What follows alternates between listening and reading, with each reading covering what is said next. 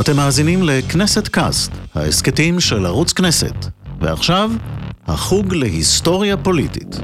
שלום, אנחנו שוב עם החוג להיסטוריה פוליטית, התוכנית שתעזור לנו להבין את הפוליטיקה של היום דרך האירועים והקונטקסט של העבר. יאללה, בואו נתחיל.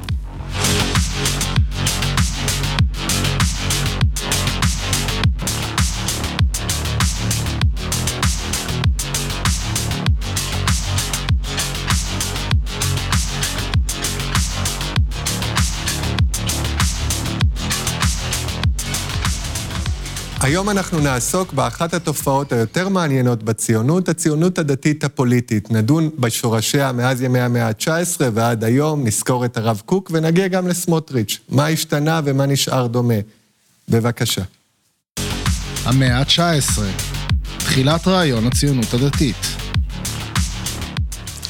נמצא איתי פרופסור אשר כהן מהמחלקה למדעי המדינה בבר אילן, שלום, מה שלומך? שלום וברכה, ברוך השם. אז אני רוצה להתחיל איתך ולגשת לעניין. בעצם הרעיון של הציונות הדתית הקדים במידה מה, במידת מה את הציונות עצמה. הרבנים קלישר, אלקלעי, מה היה הרעיון המרכזי של הציונות הדתית? כן, האמת היא ש, שהם מבשרי הציונות והם בעצם גם אה, מבשרי הציונות הדתית במידה רבה. הרעיון אה, אה, היה פשוט. הרבנים קלישר ואלקלעי, שניהם יוצאים...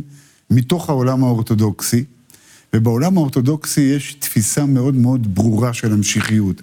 המשיחיות זה משהו אפוקליפטי, זה משהו אלוהי, ניסי, זה יבוא בידי אה, שמיים. האדם לא מעורב בתהליך הגאולה, ואגב, התפיסה הזו התבססה בעיקר בגת שבתאי צבי. זאת אומרת, הקטע של משיחיות שקר והמשבר וכל הדברים האלה, דחפו את התפיסה האורתודוקסית לזה שגאולה זה משהו של הקדוש ברוך הוא. הרב אלקלעי, אם יש משהו שהוא עושה, וזה הדבר המהפכני בהידיעה, הוא אומר לנו, לא, לא, לא. מה שחשבנו שזה שתי תפיסות, גאולה בידי אדם או גאולה בידי שמיים, זה שני שלבים. יותר מזה, זה לא רק שני שלבים, אלא לא תגיע גאולה דתית בידי שמיים, אלא אם לא יגיע השלב הראשון של גאולה בידי אדם. זה, זו תחילת הציונות הדתית, וזו המהפכה בתפיסה הדתית, אגב, צריך להגיד אותם, שניהם היו במיעוט קטן באמצע המאה ה-19 כשהם פעלו. זה במובן התיאולוגי. במובן הפוליטי, מה שעושה את התנועה הזאת למתונה, כן? מאוד מתונה, בניגוד לימינו אולי, ועוד נגיע לזה, זה ההפרדה בין כאן והלאה. זאת אומרת, כאן אני יכול לעשות את הדברים שהם לעת עתה, ונשאיר את הדברים הגדולים לאלוהים ולעתיד. זה מה שהופך אותם למתונים בעצם.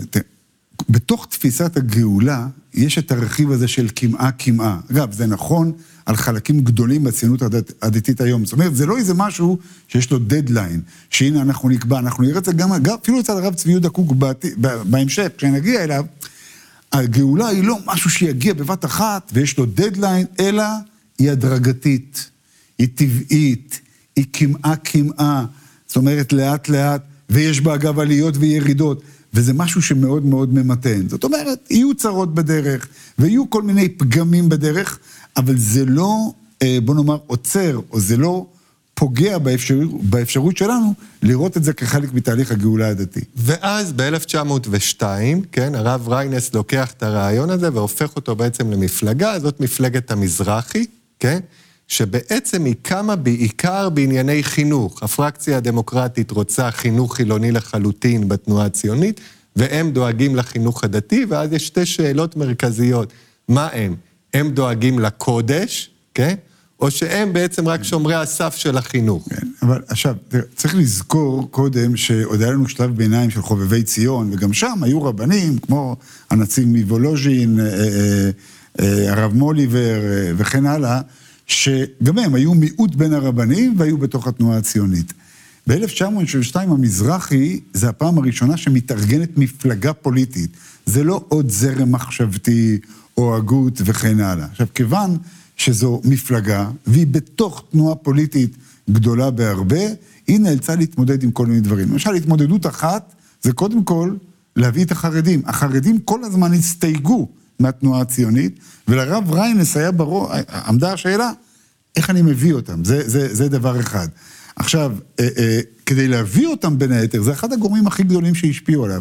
כדי להביא אותם, הוא אמר, בוא, בוא נרחיק את המימד הגאולתי שמאוד מאוד מפריע לחרדים, ונגיד, תקשיבו, אנחנו בתנועת הצלה. הציונות היא לא תנועת גאולה דתית או משהו כזה, אלא היא תנועת הצלה של יהודים. עכשיו, יש בזה מרכיב מאוד מאוד חשוב. כשאני אומר שיש פה איזושהי תנועה להצלה ליהודים, הצלה ליהודים אתה יכול לשתף פעולה עם חילונים, אתה יכול להיות חלק מהמהלך. זה להציל יהודים, ו- ו- וזה הרבה יותר קל. לא משנה שזה לא עזר, אבל זה היה הרעיון. והכל נעשה בתמיכת הרצל. מה שמעניין הוא שהאיש שמקים את התנועה הציונית והוא נחשב הרדיקל חילוני, בעצם הוא התומך הגדול של מפלגת המזרחי, והמזרחי תומכים גם בהרצל. נכון, אגב, בגלל, בגלל זה הרבה פעמים לא מצליחים להבין את הנושא של אוגנדה.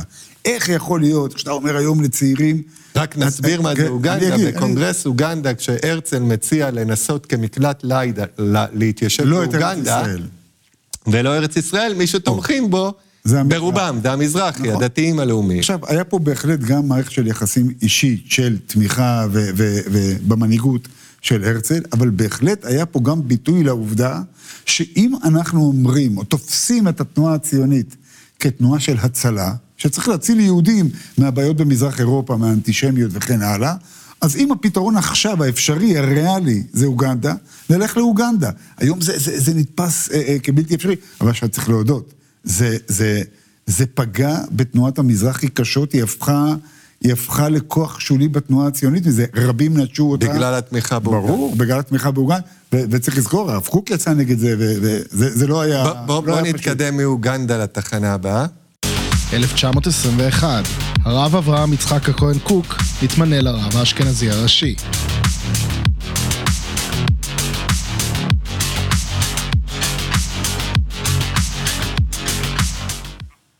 הרב קוק הוא אולי הדמות הכי חשובה בתולדות הציונות הדתית, והאידיאולוגיה שלו היא מאוד מאוד מורכבת. אני יודע שלא נוכל להקיף הכל, אבל מצד אחד הוא מאוד לאומי, והוא מאוד דתי, והוא מאוד משיחי, אבל הוא גם מדבר על קוסמולוגיה מבחינה דתית, הוא לפעמים אומר שאלוהים נמצא בכל, הוא כמעט שפינוזה, הוא חושב על חזון אחרית הימים לכלל האנושות. זאת אומרת, אתה יכול לגזור מהרב קוק, למרות הזיקה שלו לרוויזיוניסטים בהמשך, גם תפיסות שהיום יכולות להיות מאוד, אתה יודע, של הפרוגרס. אגב, אה, אה, זה קורה הרבה פעמים להוגה גדול, בעיקר כשהשאיר אחריו הרבה כתבים, שאתה יכול לראות מגוון של אנשים בכיוונים שונים, אה, אה, לוקחים ממנו, אתה יכול לקחת ממנו את האוניברסליות, אתה יכול לקחת את הפרטיקולריות, אתה יכול להתמקד ביחס המאוד מיוחד, שזה חידוש עצום שאפשר הרבה דברים, היחס אה, אה, אה, לחילוניות וכן הלאה, אבל זה, זה, זה מה שקורה כשמשאירים עשרות ספרים וכתבים אה, וכן אז, הלאה. אז בוא אני אחדד. אשר, מה הציונות הדתית בעצם לקחה בסוף מהרב קוק האב? היא לקחה מהרב קוק מעל הכל את העובדה של הציונות, ואחרי זה כמובן למדינת ישראל, יש משמעות דתית. אם אני צריך לחפש היום מה המכנה המשותף, מה זה ציונ... מי זה ציוני דתי ומי זה לא ציוני דתי, אחד הדברים שאגב יבדילו בין הציוני דתי לחרדי, זה העובדה שלמדינת ישראל יש משמעות דתית. אגב, גם המשמעות הזאת תהיה נתונה היום במחלוקת, אבל זה מה שהוא עשה. הוא אומר, הציונות זה חלק מתהליך הגאולה הדתי, למרות, ולפעמים אפילו תוך כדי זה, שמובילים אותה חילונים. זה החידוש הגדול. אגב, זה חידוש מאוד מאוד ממתן עד ימינו, צריך להזכיר את זה, במובן זה שברגע שאתה נותן קדושה לציונות, ואחרי זה, דרך הרב צבי יהודה קוק שנגיע אליו, קדושה למדינה, בניגוד למה שהרבה חושבים, יש גבול למה אתה יכול לעשות נגד מדינה שאתה נותן לה קדושה דתית. אנשים תמיד רואים את זה כחלק מהקצנה, אבל זה לא נכון. זה גורם ממתן פוליטי שאחר כך אנחנו נרחיב עליו. אבל אם יש משהו שהוא נתן, זה העובדה של הציונות למעשה הציוני, להתיישבות ולמתיישבים, ואחרי זה למדינת ישראל שהוא עצמו לא ראה, יש משמעות דתית. זאת אומרת, הקידוש של הציונות ממתן בעצם, כי אז כן. אתה לא יוצא נגד הציונות והמדינה, אבל בה במידה הקידוש הזה יכול מאוד להקצין, כי אתה מקדש פה דבר שהוא בסופו של דבר נכון. מוסד חילוני. יכול להיות שאחרי זה אה, אה, יהיו... אה, אה, תראה, הרב קוק לא קיבל את העובדה בכלל, את ההפרדה בין החילוני לדתי. זאת אומרת, בתוך המעשה הציוני אה, יש ביטויים, אלה גופי תורה. זה כמו, אה, אח- אחרי זה זה יבוא לידי... אה, אה, אה, אה, הרבה פעמים לא מבינים את התפיסה הזו, אולי נעשה דרך, דווקא סיפור על הרב צבי יהודה קוק, ש, ש, שמפרש את התורה של אביו. שואלים אותו תלמידיו בשנות החמישים, לפני שיש סוגיה של שטחים וכן הלאה. איך הרב אנחנו יכולים להגיד על מדינת ישראל שיסוד כיסא השם בעולם? לזה הכוונה, ואז השאלה הייתה גידול חזירים, שזה היה ביטוי לחילוניות של המדינה. הרי מגדלים פה חזירים, איך יכול להיות שזה יסוד כיסא השם בעולם? התשובה הנפלאה של הרב צבי יהודה קוק, הוא אומר, אתם לא מבינים. המדינה היא של הקדוש ברוך הוא. החזירים הם של בן גוריון. זאת אומרת, היכולת להפריד בין עצם העובדה שיש כאן מדינה יהודית, עם פגמים, עם בעיות וכל זה, אבל זו המדינה הקדושה. עכשיו, זה גורם, נכון, לפעמים מה שאתה אומר, שזה יכול להוביל להקצנה, זה כאשר אנשים יגידו, טוב, כמה זמן נמתין, מה שנקרא מתח משיחי, כמה זמן נמתין עוד שהמדינה או החברה יהיו דתיים וכן הלאה, אין זמן, אבל זה גם גורם מאוד מאוד ממתן, הרבה יותר ממה שחושבים. אני רוצה לחדד שנייה לגבי הרב קוק את ההבדל בין להסתכל על החילונים כתינוקות שנשבו, לבין איך שהוא מסתכל על החילונים שהם בעצם עושים עבודת קודש בלי להיות מודעים לכך. איך אתה רואה את ההבדל הזה? רחוק מאוד מתינוקות שנשבו. הרב קוק מנחיל את התפיסה שאומרת, כמעט, זה ממש, זה לא באותן מילים, אבל כמעט הייתי אומר, אם לא היה חילונים, היה צריך להמציא אותם, ואני אסביר למה הכוונה. עם ישראל היה חסר כל ריבונות, ולכן לא עסק בשאלות מדיניות, פוליטיות, ארציות, התיישבות, כולל אגב מצוות התלויות בארץ, הוא פשוט לא היה שם. הוא התרכז בצורה לא טבעית, ואגב, פגומה, פגומה מבחינה דתית, בתחום הרוחני. ישבו כל היום ולמדו, וחיו בגלות, שאגב, גם זה הבחנה גדולה. הוא אומר, כדי שחיים יהודיים יהיו שלמים, אני צריך גם את החלק הארצי, הגשמי, של התיישבות. ולכן מי שעושה את זה, עושה עבודת קודש. אז זה, זה מעביר אותנו בדיוק לתחנה הבאה. 1948, הרב הרצוג והרב עוזיאל כותבים תפילה לשלום המדינה.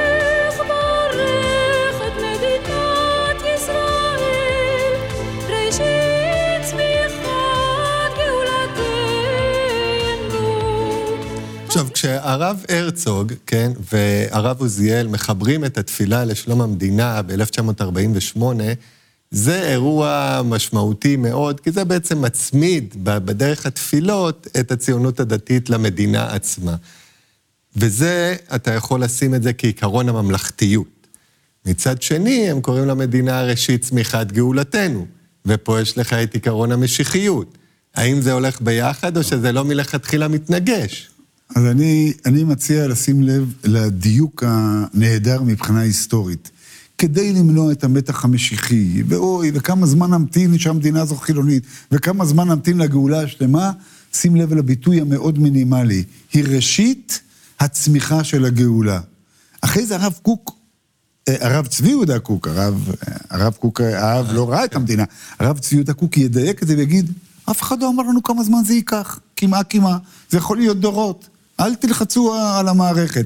והראשית צמיחת אומנם מחבר את המדינה, וזה בדיוק ההמשך של הקו הזה, שלמדינה יש משמעות דתית, אבל אל תדחקו את הקץ. זה לא שעכשיו צריך להיות אה, אה, אה, הגאולה, או עוד דור אחד, אף אחד לא אמר לנו כמה זה. אנחנו כן יודעים להגיד שהגאולה תגיע, אגב, גם זה מרכיב רציני, קודם כל עם הממד, להחזיר את הממד ההתיישבותי, את הממד של ריבונות שהוא מאוד חשוב, רק אחרי זה תגיע הגאולה השלמה. עכשיו, וזה היה בעצם המשך ההצדקה של דרך הרב קוק. עכשיו, התפילה הזאת הפכה עם השנים, אני לא משוכנע שזה נכון או לא נכון, גם לאין ביטוי למרד במדינה. זאת אומרת, כשיש את אוסלו וכשיש את ההתנתקות, אני לא קורא את התפילה הזו. א', אישית, כן. אתה פעם הפסקת לקרוא בכעסך? לא, לא רק שלא הפסקתי, מהרגע שהתחילה האגדה הזאת שבעקבות אוסלו, אנשים הפסיקו להגיד את התפילה לשלום המדינה, באמת, הקדשתי מאמצים רבים. כל מי שפגשתי אותו בציונות הדתית, שאלתי, תגיד, אצלכם בבית הכנסת, אולי שם, אולי... אם התופעה הזאת בכלל הייתה, אם בכלל היא הייתה, היא הייתה שוליים שבשוליים זניחה.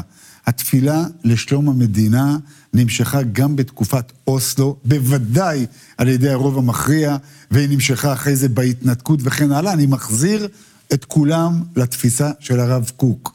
המדינה הזאת קדושה, גם ולמרות הפגמים שלה, וגם אם היא מבצעת מדיניות לא נכונה. זה היה החידוש הגדול של הרב צבי יהודה קוק, שהוא אמר, יסוד כיסא השם בעולם זה זה. ולכן התביעה לשלום המדינה נאמרת, ב, לא חשוב איזה שלטון נמצא, ולא חשוב איזה מדיניות. במובנים רבים, הלוא גם בן גוריון הוא משיחי, כן? הוא משיחיות חילונית. כן. במובנים רבים הוא היה יכול להתחבר לתפיסה הזאת שהמדינה אה, היא חלק מתהליך גאולה, ובמובן הזה, בן גוריון שהוא רדיקל חילוני, יש בינו, בינו ובין הרב קוק ובין התפילה לשלום המדינה מחבר מאוד. אה, בן גוריון, שכמובן היה אתאיסט, קידש את הממלכתיות, אבל קדושה חילונית. זאת אומרת, הוא מאוד מאוד רצה שיצאו מהסקטוריאליות ומההתמקדות במפלגות כמו שהיה בתקופת היישוב, ולכן הוא, הוא, הוא המציא בעצם את המונח ממלכתיות, שאפילו עד היום קשה לתרגם. הממלכתיות הדתית, זאת אומרת, ולכן גם היא נהגית אחרת, ממלכתיות, זה כשאני נותן קדושה דתית למדינה, כחלק מהמסורת דתית, מה שלא היה אצל בן גוריון. אבל זה קרוב מאוד, יותר ממה שאנשים נוטים לחשוב, שתי, הממל... שתי המשמעויות האלה מסיבה פשוטה. בן גוריון רצה להגיד בממלכתיות, תצאו מהמגזריות וכן הלאה. והממלכתיות מבית הרב קוק אומרת, הממלכה הזו קדושה גם אם היא מבצעת מדיניות שלא מוצאת חן בעיניי, וגם אם יש ממשלה שלא מוצאת חן בעיניי, ובמובן הזה של הממלכתיות היא מעל המגזריות, יש פה מכנה משותף מאוד מאוד חזק. בואו נתקדם קצת לתחנה הבאה, קצת יותר פוליטיקה. 1955, הקמת מפלגת המפד"ל. בעצם כשאנחנו מדברים על המפד"ל, שהיא הבסיס לציונות הדתית בימינו, אנחנו מדברים על מפלגה שקמה ב-1955 כאיחוד של שתי מפלגות. מה זה בעצם המפד"ל? אה, אנחנו המפד"ל היא איחוד של המזרחי והפועל המזרחי. שהפועל המזרחי זה... המזרחי קם, ב, ב, המפלגה קמה ב-1902, הפועל המזרחי ב-1922, שזה אגב היה האגף הפועלי, נקרא לזה, של... אה, אה, שזה הציונות הדתית הסוציאליסטית. הסוציאליסטית. אגב, פה צריך להגיד איזו הערה, כיוון שהגענו לפוליטיקה. מי שרוצה למשוך לכל אורך ההיסטוריה איזשהו קו, יכול להתייחס אל המפד"ל ולציונות הדתית, כאל מפה עם כיפה. בהרבה מאוד מובנים. באיזה מובן? למשל, בעובדה שלמרות שהפועל המזרחי קם ב-1922, 20 שנה אחרי המזרחי, המפלגה הפכה מיד לגורם המרכזי בתנועה. בדיוק כמו שהציונות הסוציאליסטית הפכה אה, אה, אה, לגורם אה, מרכזי בתנועה אה, הציונית. אופני התפקוד, כן? הסוציאליזם, נקרא לזה סוציאליזם פרגמטי, מתון, כן? כל, כל, כל הדברים האלה, אגב, גם הנפילות בהמשך, ייראו ממש אותו דבר. המפא"י נופלת ב-1977 ומתחילה את הדעיכה, למפד"ל זה יקרה ארבע שנים אחר כך. הפיצול, ההיעלמות של מפלגת העבודה אפילו היום. אבל עד אז, היעלמות, כן. עד אז, כשהמפד"ל מוקמת ב-55, שילוב המפד... של הסוציאליסטים הדתיים והדתיים כן. הפחות סוציאליסטים, במה הם מתעסקים בעצם? או, עכשיו, עכשיו אני רוצה אה, אה, אה, להדגיש משהו. כשאומרים המפד"ל זה נשמע איזה משהו כזה אחיד ומאוחד. זו מפלגה שהיא בעצם פדרציה של סיעות. לא רק שזה הפועל המזרחי והמזרחי, בתוך הפועל המזרחי יש סיעה אל המקור שקרובה יותר אל המזרחי, ויש את הסמן הליברלי יותר של הקיבוץ הדתי, זה ממש מורכב מסיעות. לסיעות האלה יש לפעמים עיתונות משל עצמם, ומשטר הסיעות הוא אחד, אה, אה, אה, פרופסור דניכה, זיכרונו לברכה, קרא לזה סיעתיות ממוסדת. ממש אתה יודע, יש בחירות סביב הסיעות האלה וכן הלאה. לכן לנו מבחוץ זה נראה משהו מאוחד, אבל צריך לזכור, זה בעצם איזשהו מבנה פדרלי, וצריך להגיד למה האיחוד הזה. האיחוד הזה לא סתם מתרחש באמצע שנות החמישים, והוא לא סתם גם מתפרק אחר כך. למה, למה האיחוד? תחשוב על הסיסמה, הדת בסכנה. כשאתה על רקע שלטון דומיננטי של מפא"י, החברה החילונית היא רוב, ויש כל הזמן, ולא חשוב אם זה מדומיין או לא, תחושה של סכנה, שאולי האינטרסים הדתיים עומדים בסכנה. עכשיו, כשאני אומר אינטרסים, זה יכול להיות אינטרסים של התנועה, וזה יכול להיות המרחב הציבורי. אבל הדת בסכנה, או האפשרות שלי כיהודי, דתי-לאומי, להמשיך להתקיים עם החינוך וגם. שלי, הוא בסכנה? התשובה היא שזה גם מפלגה לשימור האינטרסים של הציבור הדתי, כמו סוגיית החינוך, לשמור על חינוך דתי עצמאי, אבל זה גם לשמר את ההישגים, אה, לעשות שהמרחב הציבורי במדינה היהודית ייראה לפחות בהתאם למסורת היהודית, כמו מעמד השבת וכן הלאה. אלה, אלה, אלה שני המסלולים. ומבחינה מדינית, זו מפלגה שהולכת עם מפא"י, כמובן, כי מפא"י בשלטון, לאו דווקא רק כי הם באמת מפא"יניקים, אבל הולכת עם מפא"י, כן? ומתונה ביחס, אה, נאמר, גם לפעולות התגמול בשנות החמישים. זאת אומרת, גם ב-67, אחרי שאנחנו כובשים את השטחים, מתחיל קצת השינוי, אבל המפלגה הזאת עד 77 היא מפלגה מתונה מבחינה מדינית. נכון, יש בה בהחלט חלקים ניציים שהיו גם קרובים יותר לרוויזיוניסטים, אבל בגל ההנהגה של משה חיים שפירא, זיכרונו לברכה, בהחלט הקו המתון אה, שלט שמה. יש אה, סיפור ידוע על בן גוריון שהוא היה מגלה את הסודות לפני איזושהי פעולה או מלחמה, לפי מה שהוא חשב ש, שיסכימו. ו, ושפירא, מנהיג המפד"ל, ידע בין האחרונים על מבצע סיני, מהסיבה הפשוטה, הוא כמעט היה בטוח שיתנגד לזה. כן. זאת אומרת, בהחלט היה שם פרגמטיזם מדיני אה, אה, חזק מאוד בהנהגה. גם- גם לפחות אנ- עד אנטי 1970. מטריאליזם מסוים, כן. איך שאני מנתח כן, את זה. ה- ה- נכון, הנושא של שירות צבאי או תפיסת הכוח וכל הדברים האלה, לא... הם- לא- הם לא נמצא רחוקים- שם. לא נמצא שם, זה יגיע מאוחר יותר. אז בואו נעבור לתחנה הבאה כדי להגיע אליה. 1967, הרב קוק הבן מפתח תורה שונה משל אביו.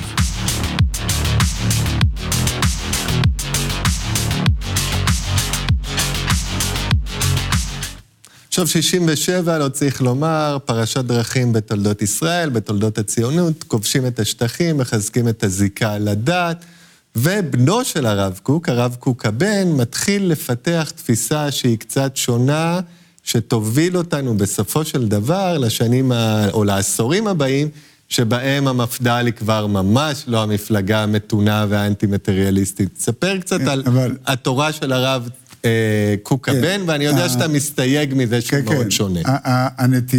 הנטייה, היא אה, לחשוב שהרב צבי יהודה קוק יתרכז רק בדבר אחד, וזה ארץ ישראל השלמה. אגב, זה לא 67, יש גם סיפור ידוע שכשהרב צבי יהודה קוק עצמו מספר, כשהכריזו על תוכנית החלוקה, הוא, הוא, הוא היה בהלם מהחלוקה עצמה, איך אנחנו יכולים לוותר על כל המקומות האלה. כך שזו תפיסה שמלווה אה, אותו כל השנים. אבל המחשבה שבאמת הדבר היחיד או הבלעדי זה ארץ ישראל השלמה, מה שגם אחרי זה יופיע בספרות המחקר, הוא מאוד מאוד אה, אה, רחוק. למשל, גם התפיסה של שלמות העם היא לא פחות חרגרה, היא פחות עניינה את, ה, את האנשים, כיוון שגוש אמונים הופיע ותלמידיו אה, התחילו להתיישב אה, ביהודה ושומרון, אבל אה, אם יש משהו שהרב צבי יהודה קוק עושה, זה פרשנות של אביו. זאת אומרת, הרי הייתה שאלה גדולה. כשהרב קוק האב, שנפטר 13 שנה לפני מדינת ישראל, כותב, מדינת ישראל היא יסוד כיסא השם בעולם. האם הוא התכוון למדינה האידיאלית, פרשנות סבירה בהחלט, או למדינה הקונקרטית הזאת עם כל הפגמים? היא מבצעת לפעמים נסיגות, היא מפנה מאחזים, היא מפנה שטחים, היא עושה הסכמי שלום לא ראויים, היא בכלל חילונית. החידוש הגדול של הרב צבי יהודה קוק, שיסוד כיסא השם בעולם זו המדינה הזאת עם הפגמים. לצד זה שכמובן ארץ ישראל, אה, אה, אה, ארץ ישראל השלמה, זה רכיב חשוב מאוד. וכמובן גוש אמונים שמתחיל כן. לקום בקצרה. חוץ פרלמנטרית ו- אה, ומושכת את ה- את הפוליטיקה לכיוון שלה. הנקודה המשמעותית של גוש אמונים, מעבר להקשר הדתי, זה שזה גם קשור לעובדה שצעירי המפד"ל, במפד"ל, העבירו ביקורת על דור המייסדים. מה אנחנו עושים? מה, אנחנו משגיחי, זה, זה המושג.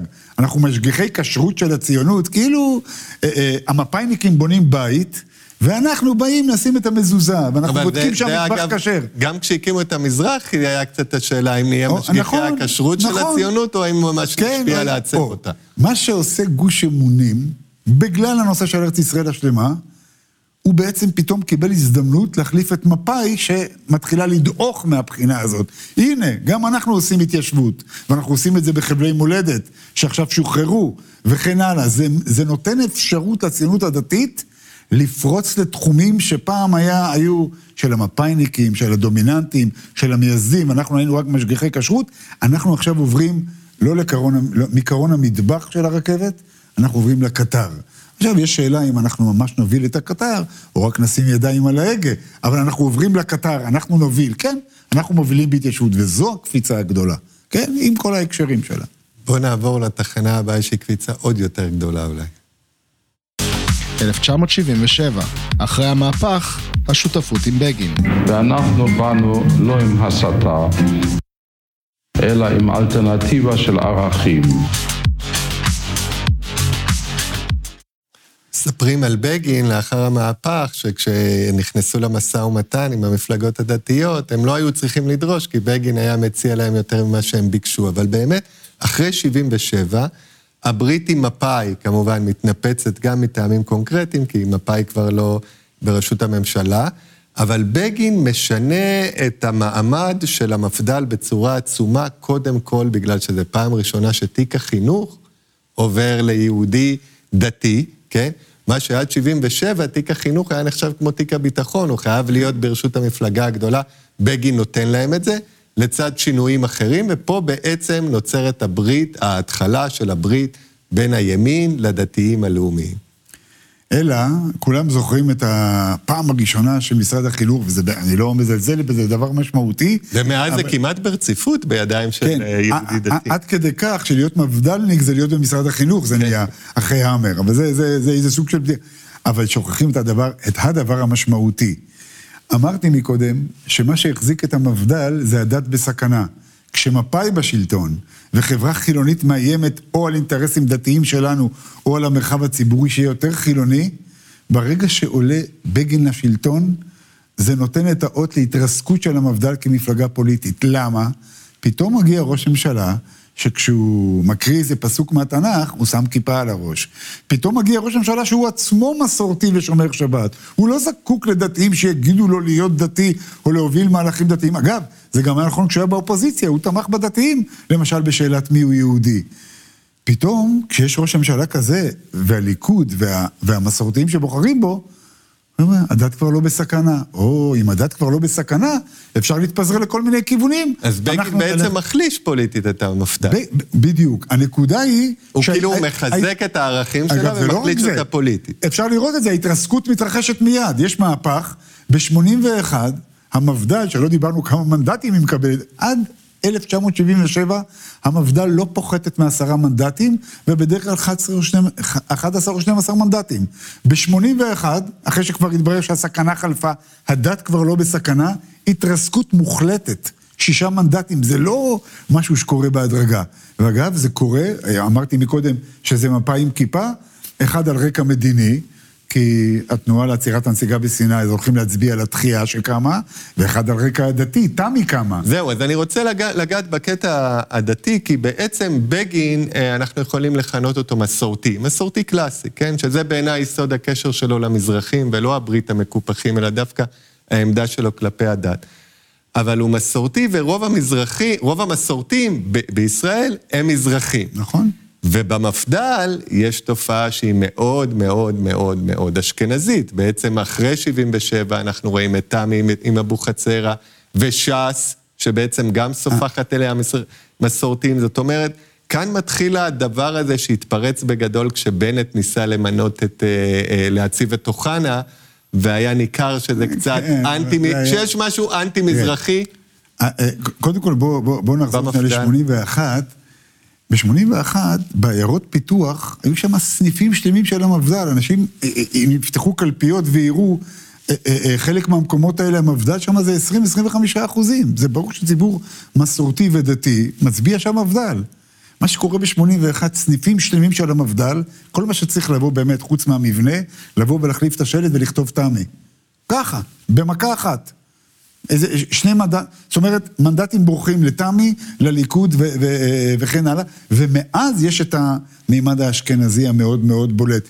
כי מבחינה אלקטורלית, נכון שכל הנציגים, או רוב מכריע של הנציגים, היו אשכנזים, אבל באלקטורט, כשאתה בודק את האלקטורט של המפד"ל, מלא מזרחים, לפחות חצי מהמנדטים.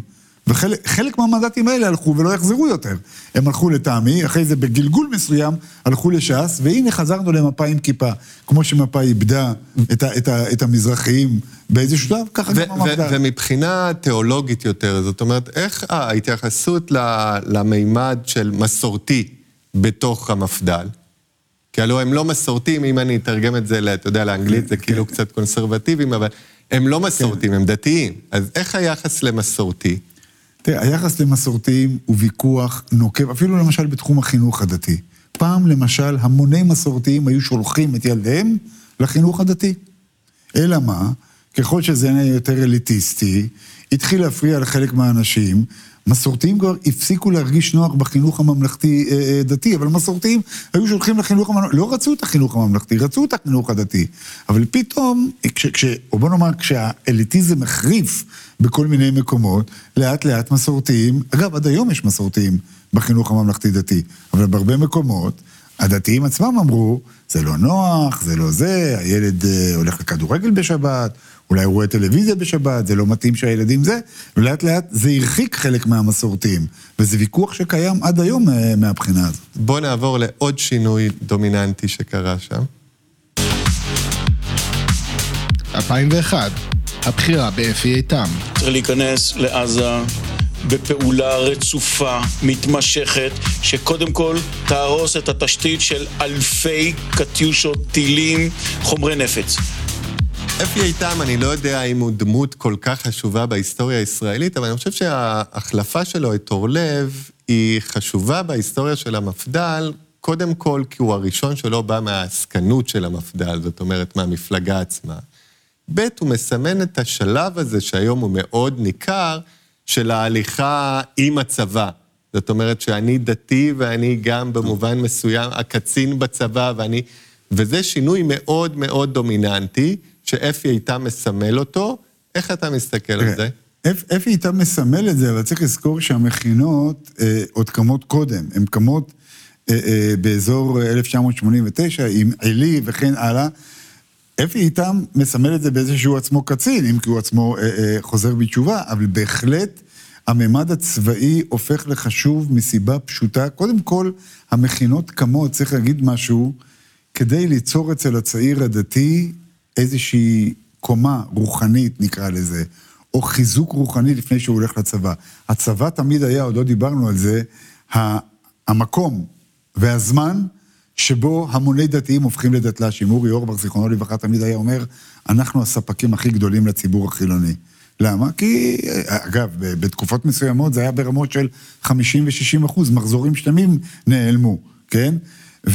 אז קודם כל המכינות קמו, זה בניגוד לדימוי, המכינות קמו כדי להשתלט על הצבא, והמכינות קמו כדי להוביל את הצבא לאיזשהו מקום ציוני דתי.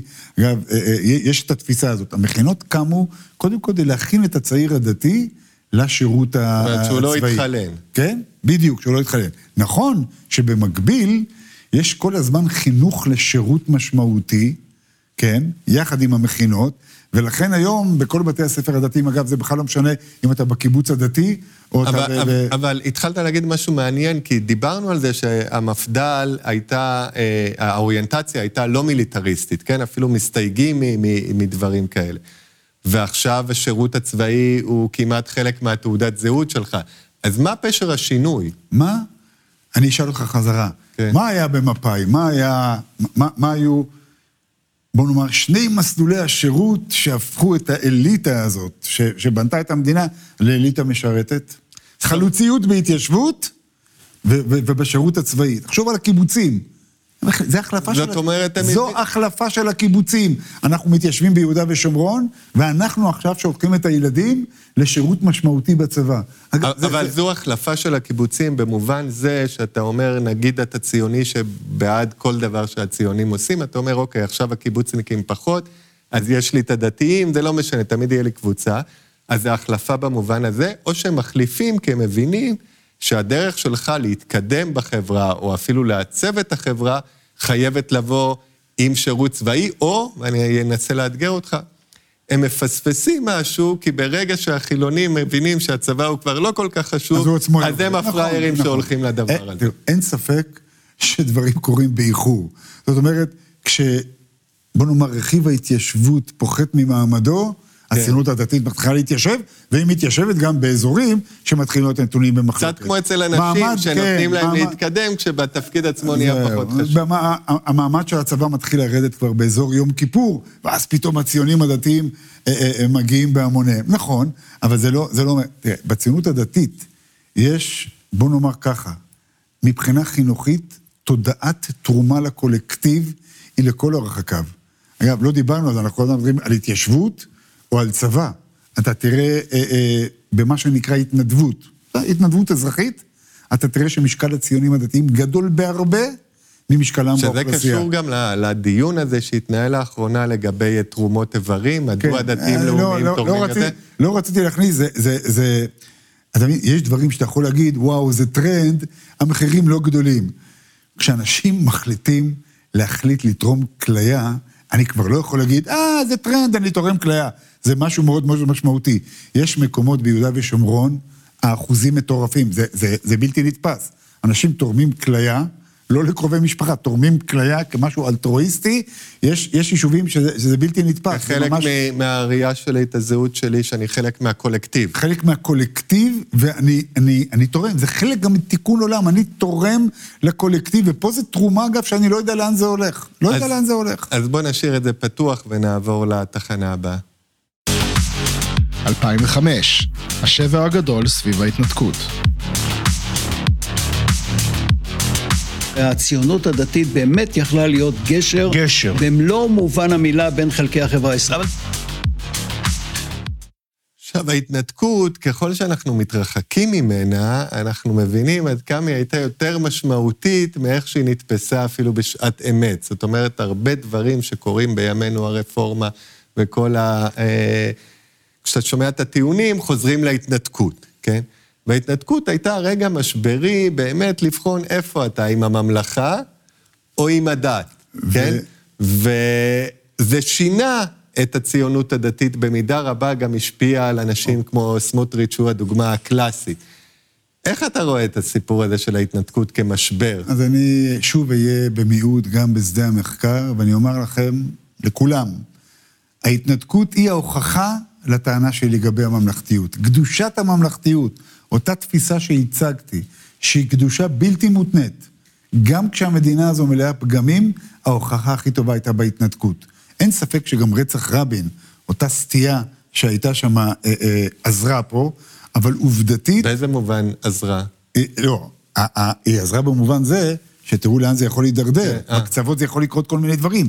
ולכן מאמץ אדיר הוקדש להבהיר שמדובר בממלכה, אפשר שזאת תהיה מחאה, אפשר זו- שזאת תהיה מחאה חריפה, אבל יש גבולות שאותם לא חוצים במחאה נגד המדינה, גם כשמדובר בפינוי יישובים וגם כשזה נעשה בצורה לא הוגנת וכן הלאה.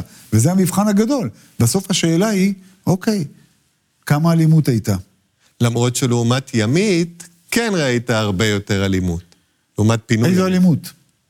חסימת, נכון, היה חסימת כבישים, והיה הפגנות, אז- והיה אז- זה. אז זאת- לא עזוב את הייתה אלימות. האלימות עצמה, אנחנו רוצים כאילו להיות מ- מעבר לזה, אבל מבחינת ההסתייגות מהמדינה, זאת אומרת, נגיד, אני חושב שסמוטריץ', איך שהוא מדבר בהשראת ההתנתקות, זבולון עמר לא היה מדבר ככה.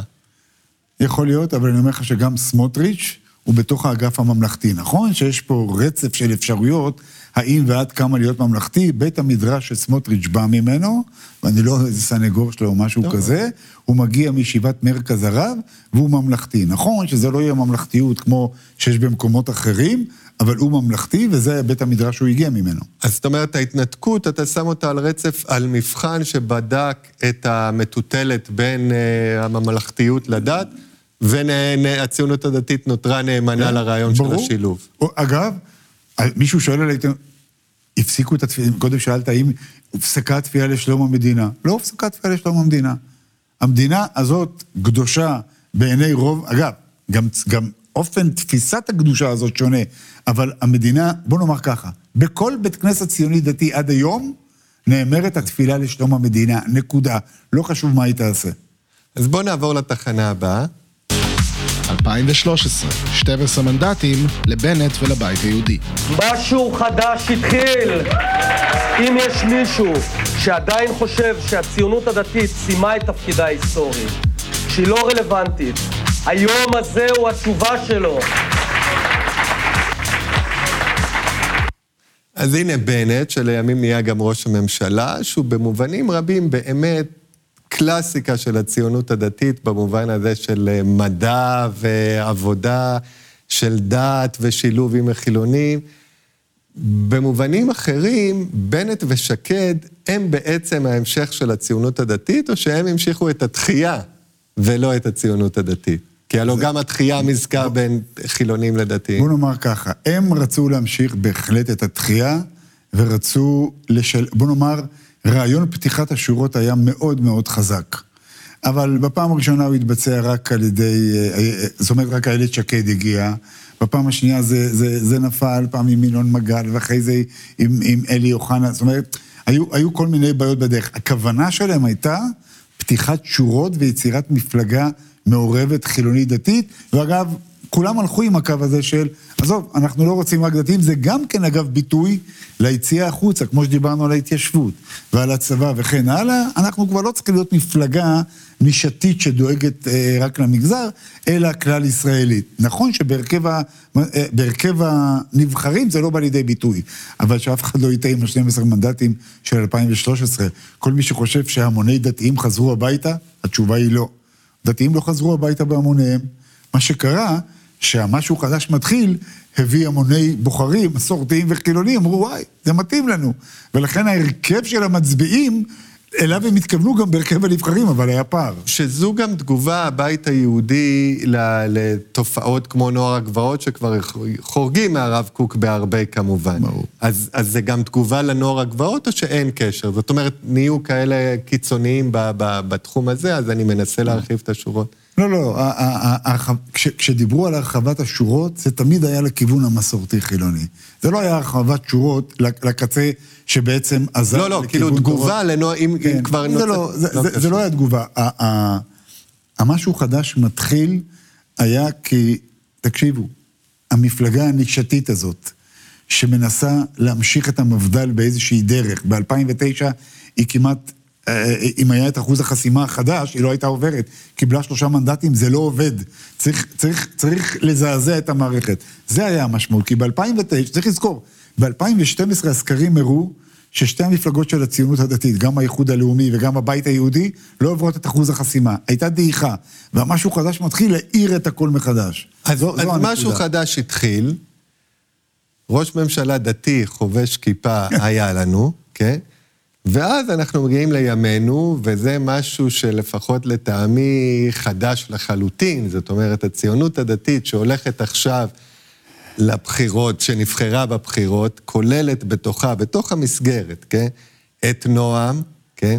אה, תפיסות שמושפעות מקהלת במובן הזה, דיברנו על הסוציאליזם שאפיין את הציונות הדתית, וקהלת זה הייפר-קפיטליזם, ניאו-קפיטליזם. איך אתה מסביר? זה אותו דבר, זה אה. שינוי לחלוטין, מה קורה היום? קודם כל, דילגת על איך אה, אה, בנט נהיה ראש ממשלה ומה זעזע את המערכת. מה שזעזע את המערכת, תראה, הדתיים הלאומיים מפוצלים סביב, נקרא לזה שלושה קווים. בסדר? שלושה רצפים. האחד, זה בתחום הדתי, בין חרדים לאומיים מצד אחד, לבין דתיים ליברליים מצד שני. זה רצף ידוע כבר עשרות שנים, והציונות הדתית מודעת להטרוגניות. ההטרוגניות הזאת יושבת סביב השולחן בליל הסדר ליד אה, כמעט בכל משפחה. עוד ציר שעליו היה ויכוח, האם צריכים להמשיך מפלגה נישתית, או מפלגה כלל ישראלית, וכן הלאה. גם בזה יש גישות הטרוגניות. יש דבר אחד שהוא נשאר מכנה משותף, וזה הימניות.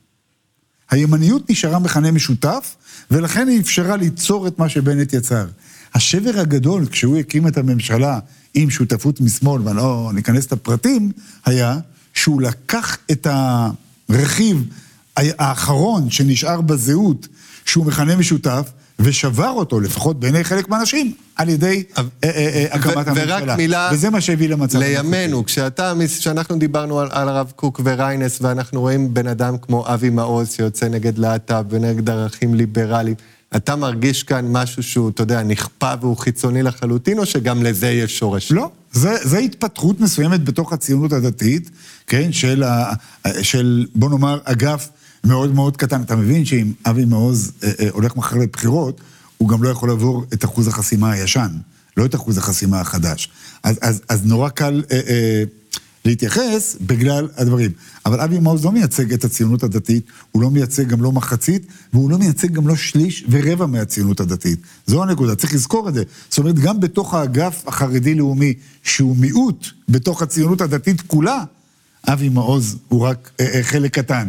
הוא, הוא מאוד מאוד בולט, אבל הנה אנחנו מדברים עליו, ולא מדברים על המנעד הרחב. בעיניי יותר מהכל הוא מייצג טראמפיזם ולא תופעה שהיא קשורה לציונות, אבל היה תענוג לדבר איתך, ואנחנו נהיה פה גם בשבוע הבא עם מפלגה חדשה. תודה, אשר. תודה רבה.